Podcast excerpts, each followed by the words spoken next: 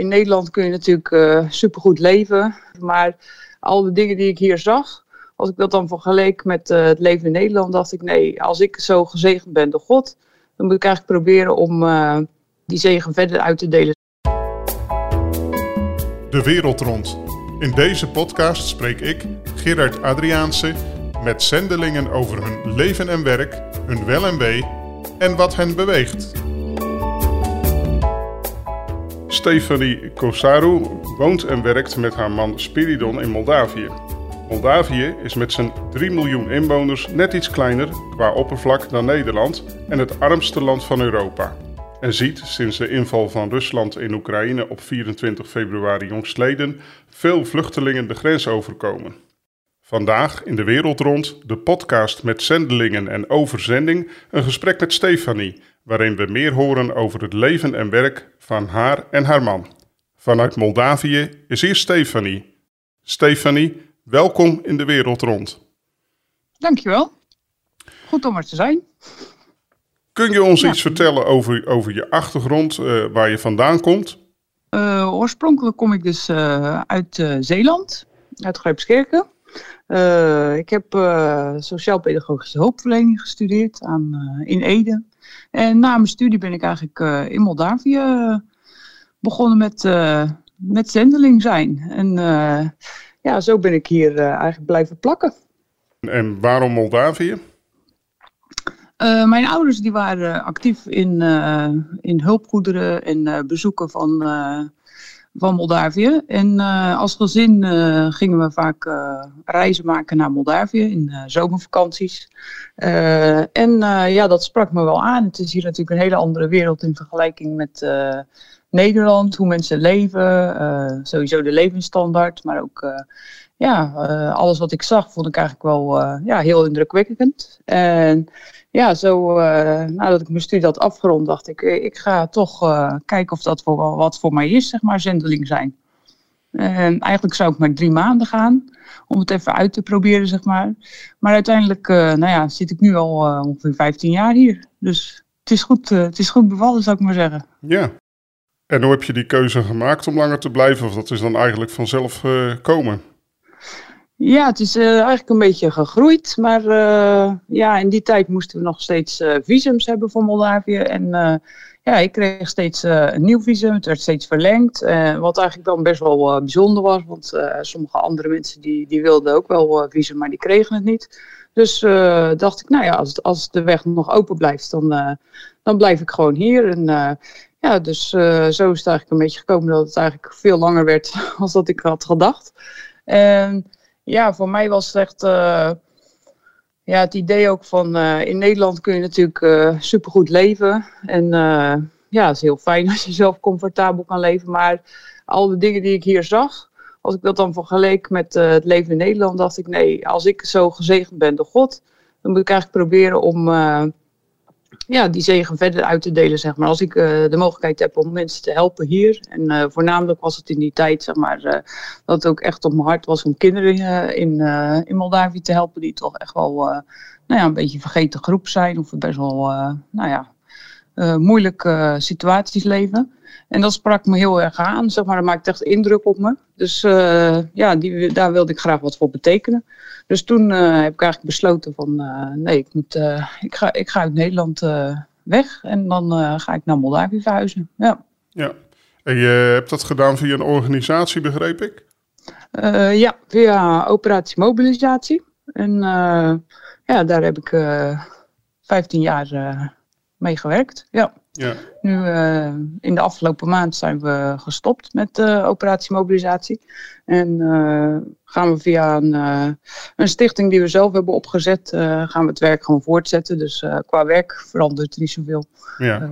ja. En heeft de operatie mobilisatie je ook geholpen bij met, zeg maar, geven zij je ook opleiding of, of hoe moet ik dat zien?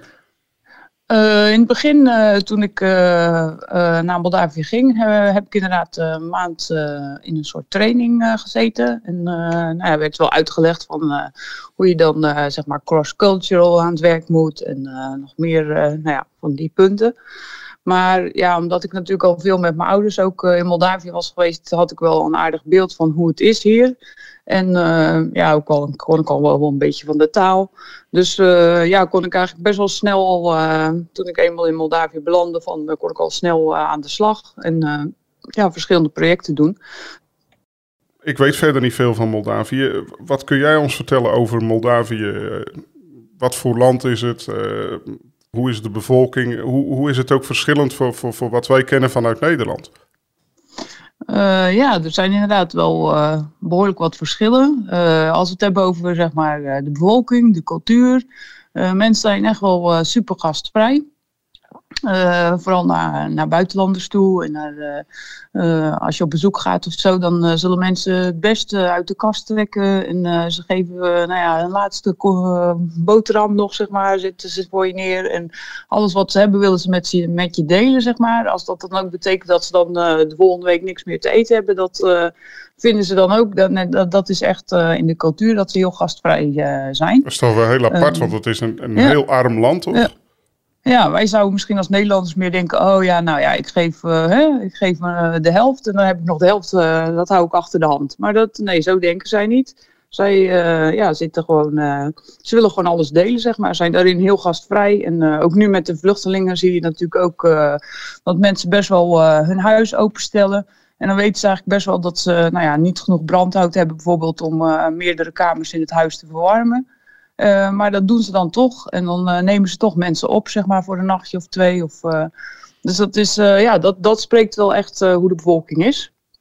En ja, het, de grootste problemen, zeg maar, is natuurlijk in, in Moldavië qua corruptie, zeg maar. En ja, dat er gewoon hoge werkeloosheid is. Hè. Er, is er is op zich wel werk, maar het is dan niet dat je een, een royaal salaris hebt. En je kunt eigenlijk niet van dat salaris leven.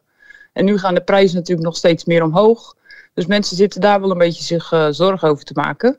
Uh, en ja, dus heel veel mensen hebben of iemand in het buitenland die werkt, zeg maar. Dus heel veel gezinnen, zeg maar, de vaders zijn er niet. Of, of vader en moeder zijn in het buitenland. En kinderen zijn bij open oma. Of uh, bij een tante die dan voor ze zorgt. Dus uh, je ziet heel veel uh, nou ja, gebroken gezinnen, zeg maar. Uh, en dat heeft natuurlijk ook effect op de, op de opvoeding, op de educatie, op, nou ja, op, op, de hele samenleving natuurlijk. En hoe de nieuwe generatie opgroeit. En dat is natuurlijk al jaren zo. Dus ja, dat is natuurlijk... in de maatschappij zie je dat dan natuurlijk ook terug. En ja... En er is op zich wel een groot verschil, zeg maar, mensen die in, het, in de hoofdstad wonen. Uh, mensen die op het platteland wonen. Dat, uh, mensen zijn heel uh, zelfvoorzienend zeg maar, ingesteld. Dat je je eigen varken hebt en je kipjes. En je verbouwt nog wat op het land, zeg maar. Zodat je van, voor de winter ook nog eten inmaken en zo. En, ja, dus eigenlijk een beetje, soms doet het ook wel een beetje denken misschien aan 50 jaar terug hoe mensen in Nederland leefden. dus soms, Op zich wel een gezonde manier. Ja, ja, heel biologisch eten we hier, ja. Dus dat is wel heel goed. Ja. ja. Maar ja, ze zijn wel heel afhankelijk natuurlijk. Als het natuurlijk niet regent of uh, twee zomers terug was het echt uh, super droog. Ja, dan hebben mensen gewoon niks te oogsten. En dan hebben ze dus ook grote problemen in de winter, zeg maar. Is er echt tekort.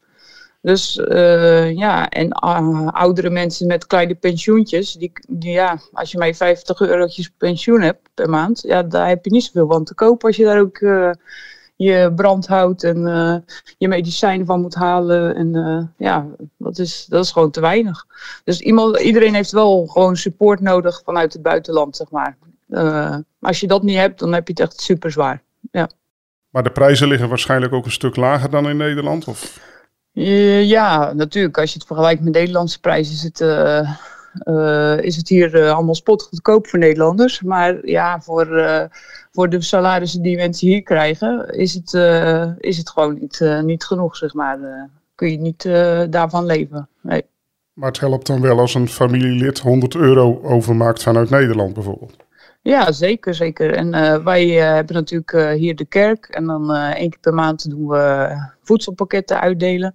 Uh, organiseren een bijeenkomst in de kerk. En dan kan iedereen gewoon komen die een voedselpakket wil ontvangen. Ja. Dus dat helpt dan ook weer een beetje. En inderdaad, heel veel mensen in het dorp hier waar wij wonen kennen ons ook nu. Dus als ze echt nood hebben, dan worden we ook gewoon opgebeld van... hé, hey, ik heb niks meer te eten. Heeft u misschien nog wat? Dus ja, natuurlijk uh, proberen gewoon de medemensen hier om ons heen te helpen ook uh, in die dingen. En ook met, uh, met brandstof of brandhout. En ja, je wilt toch niet de medemensen natuurlijk in honger of in kou laten zitten. Dat is zeker niet wat je als christen doet natuurlijk. Dus ja, en we zijn in dat opzicht ook hier gewoon heel praktisch zeg maar, bezig met mensen ja, helpen. En uh, daardoorheen natuurlijk heb je natuurlijk uh, de mogelijkheid om mensen over de Heer te vertellen. En nou ja, een bemoediging of, een, of, of, met ze te bidden als je bij ze langs gaat. En dat vinden ze ook wel fijn, want ja, dat, dat, ja iedereen in Moldavië gelooft natuurlijk wel dat er een God is. Er zijn heel veel ja, mensen zijn natuurlijk vanuit hun familie zeg maar gewoon orthodox, Russisch-orthodox. Dus er is geen twijfel zeg maar bij mensen dat, dat er een God is. Dus dat is uh, natuurlijk een mooi aanknopingspunt. Maar uh, ja, uh, mensen hebben niet een persoonlijke relatie met de Heer. En dat is natuurlijk, nou ja, dat, dat is natuurlijk wel wat we graag willen. Dus daar praten we dan ook over. En ja, proberen we toch mensen aan het denken te zetten ook. Hè? En ja, bijbels uit te delen. Want ja, vanuit de orthodoxe kerk wordt dat ook niet echt aangemoedigd. Dat je zelf de bijbel gaat lezen ja, wie leest zal de waarheid ontdekken. Dus dat, ja, daar willen we dan ook in voorzien. Ja. Dus jullie hebben echt een, uh, een sociale functie daar ook. En, en, en ook op geestelijk gebied natuurlijk. Ja. Ja, ja, ja, het is echt een beetje twee kanten, zeg maar. Dus praktisch helpen gewoon in de noden die er zijn. En ja, ook geestelijk, zeg maar, gewoon ondersteunen en evangeliseren eigenlijk. Ja. Mhm. Ja, en je doet dat samen met je, met je man, met Spiridon. Hoe heb je hem leren kennen? Hij werkte ook bij operaties mobilisatie. Dus ja, hebben we hebben elkaar daar ontmoet. En toen zijn we in 2010 zijn we getrouwd. ja, en sindsdien uh, zijn we eigenlijk uh, een jaartje na ons trouwen zijn we naar uh, een dorp verhuisd. Want dat was echt het verlangen dat we hadden. Dat we niet in de hoofdstad op het kantoor zouden blijven, maar ja, echt onder de mensen. Dat we gewoon dagelijks contact en ja, voorziene noden en nou ja, uitreiken naar de medemens. Dus ja, toen zijn we verhuisd. En sindsdien zijn we eigenlijk nou ja, altijd in de dorpen gebleven. Dus ondertussen wonen we nu in het dorp Looswaan. En dan hebben we hier ook eh, een kerk uh, opgezet. dus die uh, Spiridon is de voorganger. En in het volgende dorp, ons buurdorp, zijn we ook beginnen we een kerkje te starten, zeg maar. Dat gaat een beetje met, met, hoe zeg je dat in Nederlands, op en down. Dus, maar ja, ja, dus dat is wat we nu een beetje doen. Ja. Ja, en je spreekt dan ook Moldavisch of is het Roemeens? Ja, ja, Moldavisch is eigenlijk een beetje een mix van uh, en een beetje Russische woorden hier en daar. En dan Roemeens, veel, veel Roemeens. Maar, uh, hoe, was dat, hoe was dat om die, om die taal te leren, Stefanie? Ja, nou, ik ging het eigenlijk gewoon een beetje leren van mensen, zeg maar. Dan ging ik gewoon vragen van, hé, hey, hoe zeg je dit? En vooral met kinderen werkte ik heel veel. Dus dan, nou ja, dan vroeg ik het gewoon, hoe zeg je dit? Of hoe zeg je dat? En dan nou ja, dan ging ik het een paar keer herhalen en dan, uh, dan wist ik het ongeveer wel. Dus uh, op zich gewoon een beetje spelende wijze heb ik het eigenlijk geleerd. En ik heb eigenlijk nooit echt lessen gehad. Dus ja, nou ja. En ondertussen woon ik nu al. Ja, ik heb, het feit dat ik natuurlijk altijd onder de lokale bevolking heb gewoond. Ja, dan moet je eigenlijk wel. Dus dan heb je ook niet de mogelijkheid om Engels te spreken. Weinig mensen in het dorp hier of in andere dorpen ook kunnen Engels. Het wordt nu wel ietsje meer hoor. Jongeren kunnen nu al wat Engels. Maar uh, ja, uh, gewoon, uh, gewoon maar doen, hè. Beetje, beetje oefenen, gewoon, ja. Heel knap. Ja, nou ja, dat is natuurlijk ook wel met de hulp van de heren. Ja, ja. Stefanie, je, je man en jij hebben ook de zorg voor kinderen op jullie genomen. Kun je wat vertellen over jullie als gezin? ja, uh, op dit moment uh, hebben we twee broertjes uh, die bij ons in huis wonen. Eén is momenteel drie en de andere is tien. hun moeder die zit in de gevangenis. En voordat ze daarheen ging, kwam ze eigenlijk met de vraag bij ons van ja, ik word opgepakt en ik, wil, ik weet eigenlijk niet waar ik mijn kinderen moet laten. en ik wil ook niet dat ze in een kinderthuis terechtkomen. Dus ja, wil ik eigenlijk vragen of, of jullie ze willen opnemen. Op zich, het oudste jongetje hadden we al een paar keer gezien op kinderkampen. Maar het jongste eh, jongetje, dat, eh, die kenden we eigenlijk helemaal niet. En hij was toen ook één jaar, dus ja, echt nog super klein. Dus, maar goed, daar hebben we toen over gebeden en nagedacht. En toen dachten we, nou ja, volgens mij moeten we dat toch doen. Heeft de Heer dat op onze weg gebracht. Dus ja, toen hebben we die twee jongetjes in huis genomen. En uh, nou ja, het gaat, uh, gaat redelijk. Sommige dagen gaat het heel goed, andere dagen gaat het helemaal niet goed. Maar ja, dat, uh, ze hebben natuurlijk toch een rugzakje, vooral de oudste. hij heeft heel, nou ja, eigenlijk zijn hele leven gewoon in vrijheid, blijheid geleefd. En ja, als je dan in een gezin of in een huis komt waar nou ja, af en toe wel eens wat van je gevraagd wordt, of je moet wat werken, of de opvoeding ontbreekt er natuurlijk ook een beetje aan. Dus dat ja, proberen we dan een beetje bij te schaven. Nou, met de jongste gaat het eigenlijk ja, gewoon goed. Want hij, hij was natuurlijk één jaar en acht maanden toen hij kwam. Dus ja, dan kun je nog zelf de opvoeding doen. En ja, de komende, nou ja, totdat moeder vrijkomt, blijven ze gewoon hier wonen, zeg maar. Dat is de, het uitzicht. En hebben we ook nog een andere vrouw in huis, Katja. Zij is 30. Zij heeft ook geen plek om te wonen. Dus uh, zij woont ook tijdelijk bij ons. Hoe tijdelijk dat, hoe, hoe lang dat tijdelijk is, dat weten we nog niet. Maar, dus we zijn met z'n vijven, ja. Ja, maar... ja, op dit moment hebben we eigenlijk ook nog een familie met vluchtelingen in huis. Dus we zijn nu met z'n tienen. Ja, ja, ja, ja. ja. ja want we, we voeren dit gesprek een, een paar weken na de inval van Rusland in de Oekraïne. En dat, dat is een buurland van Moldavië. Uh, en, en, zeker met de recente vluchtelingencrisis komt er ongetwijfeld veel op jullie af. Uh, ja. Hoe zijn jullie de, de bezigheden de afgelopen weken veranderd? Uh, ja, vooral met, die, uh, met de stroomvluchtelingen, zeker in het begin. Er stonden natuurlijk lange rijen bij uh, de grens. En ja, was het toch of rond het vriespunt of sneeuw. Of, ja, het is toch nog een beetje winter hier. Uh, en uh, ja, we al een paar keer zijn we een paar dagen naar de grens geweest uh, om daar dekens uit te delen en dus zulke acties en warm eten voor mensen en nou ja, wat, wat we maar konden uitdelen zeg maar om de mensen te helpen terwijl hij daar heel lang in de rij staat. Ja, dat hebben we dan een paar keer gedaan zeg maar en in het begin kwamen de vluchtelingen zeg maar ja, de grens over en gingen ze gelijk eigenlijk door. Dus sommigen gingen naar Chisinau, zeg maar, de hoofdstad, en bleven daar dan even. Maar ondertussen zien we dat nu eigenlijk uh, nou ja, Chisinau ongeveer wel uh, vol is met vluchtelingen. alle opvangplekken zijn eigenlijk wel een beetje opgevuld. Dus nu via de gemeente, het gemeentehuis hier ook, en, zien we ook dat onze kant want wij wonen ongeveer drie uur rijden van de grens af. Uh, dat nu ongeveer uh, ja, de, meer de kant waar wij wonen, dat daar de vluchtelingen nu ook aankomen om opgevangen te worden. Dus ja, we hebben in de kerk een paar gezinnen gehad. een paar mensen die een nachtje bleven. En dan hielpen we ze om de volgende bus te zoeken naar Polen, Polen of naar nou ja, waar ze ook maar heen wilden. en dan zetten we ze op de bus. dus ja, dat gewoon helpen waar we kunnen, zeg maar. Uh, ja, en dan bij ons in huis een gezin. Uh, nou ja, waar we kunnen helpen we, zeg maar. En ja, we worden ook, uh, omdat we natuurlijk ook wel wat contact in Nederland hebben, ja, worden, kunnen we ook wel financieel, zeg maar, soms wat, wat helpen bij kerken die opvangen en die niet genoeg geld hebben om eten te maken. Of, nou ja, of dekens, eh, als die extra moeten worden gekocht, dan kunnen we dat doen. Of transportkosten, dat is natuurlijk ook nu, mensen reizen heel veel. Dus ja, nou ja, wat we kunnen, dat, daar helpen we gewoon. Ja, ja. En, en je hebt het ook net over, over kerken. wat kun je ons vertellen over, over de christelijke gelovigen in, in Moldavië? ja, zoals ik al zei, zeg maar zijn mensen sowieso zeg maar, qua bevolking heel gastvrij.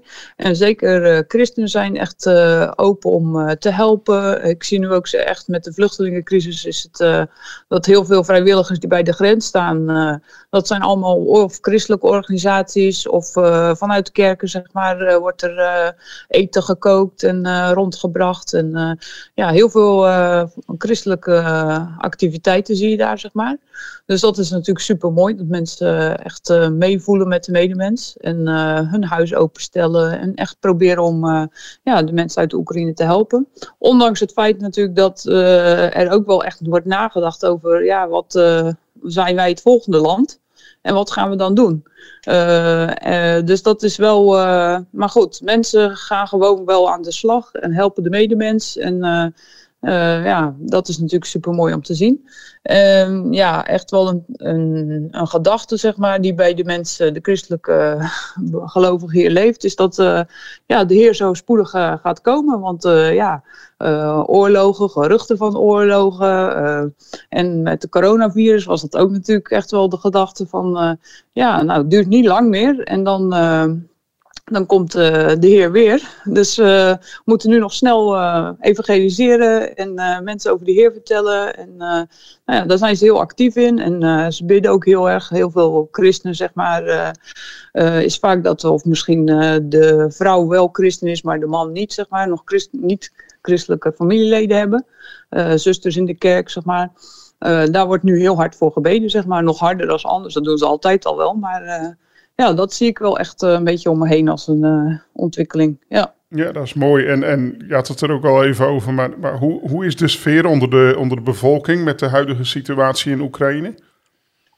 Ja, in het begin uh, echt de eerste paar dagen, zeg maar, omdat je hebt natuurlijk, Odessa is niet zo heel ver weg hier vandaan. En toen daar wat nou, explosies waren, kon je dat ook wel hier in Moldavië horen. Dus uh, dat was dan natuurlijk echt het gesprek van de dag. En uh, ja, mensen werden echt wel, uh, sommigen waren echt wel een beetje bangig, in paniek. Maar ja, nu is het al natuurlijk week twee van de oorlog. En ja, mensen zijn gewoon druk met die vluchtelingen. en ja, het, het, is een beetje op de achtergrond geraakt, heb ik zo een beetje het idee. als ik met mensen die naar de kerk komen praten, zeg maar, dan, ja, dan hebben ze het er nu niet meer zoveel over als dat het de eerste paar dagen was. En ja, mensen hebben, hebben ook niet zo echt een plan van hé, hey, wat gaan we doen als de oorlog uitbreekt. Uh, ze hebben niet zoveel te kiezen. Dat is natuurlijk ook. Uh, dus, uh, maar ja, de alge, algemene gedachte is toch wel een beetje van, nou ja, de Oekraïne is niet zo snel ingenomen als meneer Poetin dat had gepland waarschijnlijk. dus misschien gaat hij toch niet beginnen aan Moldavië. Uh, en ja, daarnaast denk ik zelf dat Moldavië niet zoveel tegengas uh, zal geven. Want ja, uh, in vergelijking met eh, Rusland is Moldavië natuurlijk een klein landje. Dus, maar goed, ja, je weet het niet. Er is natuurlijk ook nog een gedeelte in Moldavië wat eigenlijk, waar ook een Russisch nou, deel van het Russische leger ligt. Dus ja, als die natuurlijk actief worden, dan is het natuurlijk ook niet heel goed. Dus er is wel wat angst. Maar ja, mensen gaan ook gewoon bezig met het uh, dagelijkse leven. Ja. Ja, naar deze podcast, Stefanie, luisteren ook uh, mensen die interesse hebben in zending en, en mogelijk zelf ook iets willen doen. Als hm. mensen zelf dat verlangen ook hebben, net als jullie, om, om andere mensen te helpen eh, in, een, in een ander land of in een ander gebied, hm. geef eens wat tips als je kan. Ik zou uh, zeker me eerst uh, zeg maar oriënteren van wat voor soort uh, activiteiten wil je actief in zijn, zeg maar. En nou ja, ook wel een beetje een land waar je jezelf ook bij vindt passen, zeg maar. Ja, ik zou zeker ook kijken naar een organisatie, zeg maar. Als je gaat beginnen is het gewoon fijn als je met een organisatie bent. Dat, dat ze een beetje kunnen helpen en je de wegwijzen kunnen maken en zo. En de opvang als je daar aankomt. Uh, dus dat zou ik zeker wel... Uh, en natuurlijk zijn er verschillende organisaties. Uh, dat ligt net aan wat voor soort activiteiten je wil doen. het is altijd wel handig als je een, een studie hebt. Op zich maakt het niet zoveel uit wat voor studie, zeg maar. Maar een diplomaatje is altijd handig. dus ja... Uh, dat zou ik zeker ook adviseren. Uh, ja, en uh, ik zou zeker ook adviseren om erover te bidden. De Heer zal het zeker wel duidelijk maken. Als jij dat verlangen hebt, dan gaat hij zeker wel ja, laten zien wat, wat en waar en hoe. Ja. ja. Relatief weinig mensen gaan naar Moldavië op vakantie. Stefanie, waarom zouden mensen dat, zeker wanneer alles hopelijk weer snel wat rustiger wordt, juist wel moeten overwegen? Ah, leuke vraag. Ja, uh, ik zou zeggen, ja, uh, voor mij was het, voor mezelf was het natuurlijk dat je echt een beetje in een andere wereld stapt in vergelijking met, uh, met Nederland, zeg maar. Dus uh, als je gewoon eens een keer heel wat anders wil, nou dat is dan hier, hè. dus, en er zijn ook zeker dingen, zeg maar, gewoon mooie stukken van Moldavië. En als je natuurlijk, het ligt een beetje aan in welk seizoen je komt. Is natuurlijk ook qua natuur gewoon een, een mooi land. Maar ja, gewoon als je echt even heel wat anders wil, dan ja, gewoon voor de experience, voor de ervaringen. ja. ja, en wat, wat kunnen mensen dan verwachten naast de natuur? of misschien juist de natuur? Juist de natuur, denk ik. Nou ja, de natuur. Uh, en uh, ik denk gewoon, als je, zeker als je in contact gaat met de lokale bevolking, dan uh, krijg je natuurlijk mooie ervaringen. En mensen zijn, zoals ik al zei, gastvrij. Dus ja, ze willen dingen laten zien en ze vinden het interessant om contact te maken. Ja, dat is natuurlijk toch, hè, dat je contact hebt met anderen, is natuurlijk altijd, geeft altijd leuke ervaringen. Ja. Maar je moet het misschien zelf wel een beetje ook organiseren. Omdat wat ik dus begrijp is dat er uh, op zich weinig toeristen zijn uh, die naar Moldavië nee, gaan. Nee, nee, er is niet uh, veel toerisme inderdaad. Er zijn wel een paar van die bezienswaardigheden, zeg maar. Waar je dan, als je een beetje googelt op internet, dan vind je dat wel. Ja, het is leuk om die een keer op een dagje te bezoeken, zeg maar. Maar er zijn niet grote kastelen zoals in Roemenië of zulke dingen die je dan kan gaan bezoeken. Uh, maar uh, ja, er zijn natuurlijk heel veel andere gewoon dingen die je in Nederland niet echt meer ziet. En ja, die kun je hier wel natuurlijk ervaren. Ja. En dus contact leggen met de lokale bevolking als dat even kan. Ja, en mensen zijn heel snel dat ze je aanspreken van... hé, hey, wie ben je, waar kom je vandaan? Oh, je bent niet van hier. En wat doe je hier? Nou ja, en dan heb je zo contact. Ja, ja. wie weet. Ik, uh, ik wacht de toeristenstroom af. Hoe kunnen we voor jullie bidden, Stefanie?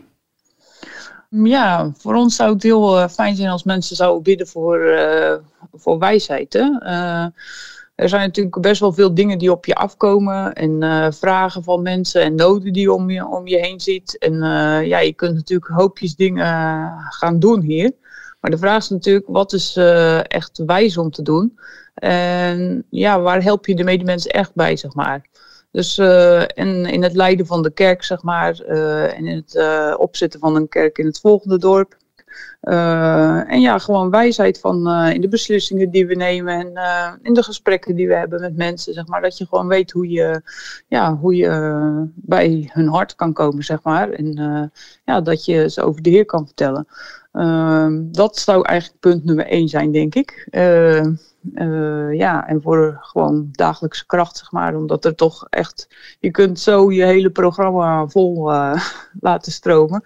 Maar ja, dat, als je zelf natuurlijk niet meer kan, dan ben je ook niet echt tot een zegen voor de mensen om je heen. Dus moet altijd een beetje de balans van werk en een beetje rust, dat is altijd wel een beetje een strijd bij ons. Ja. ja. Ja, want er is altijd genoeg werk. Of eigenlijk ja, dus meer dan je aan kan. Ja.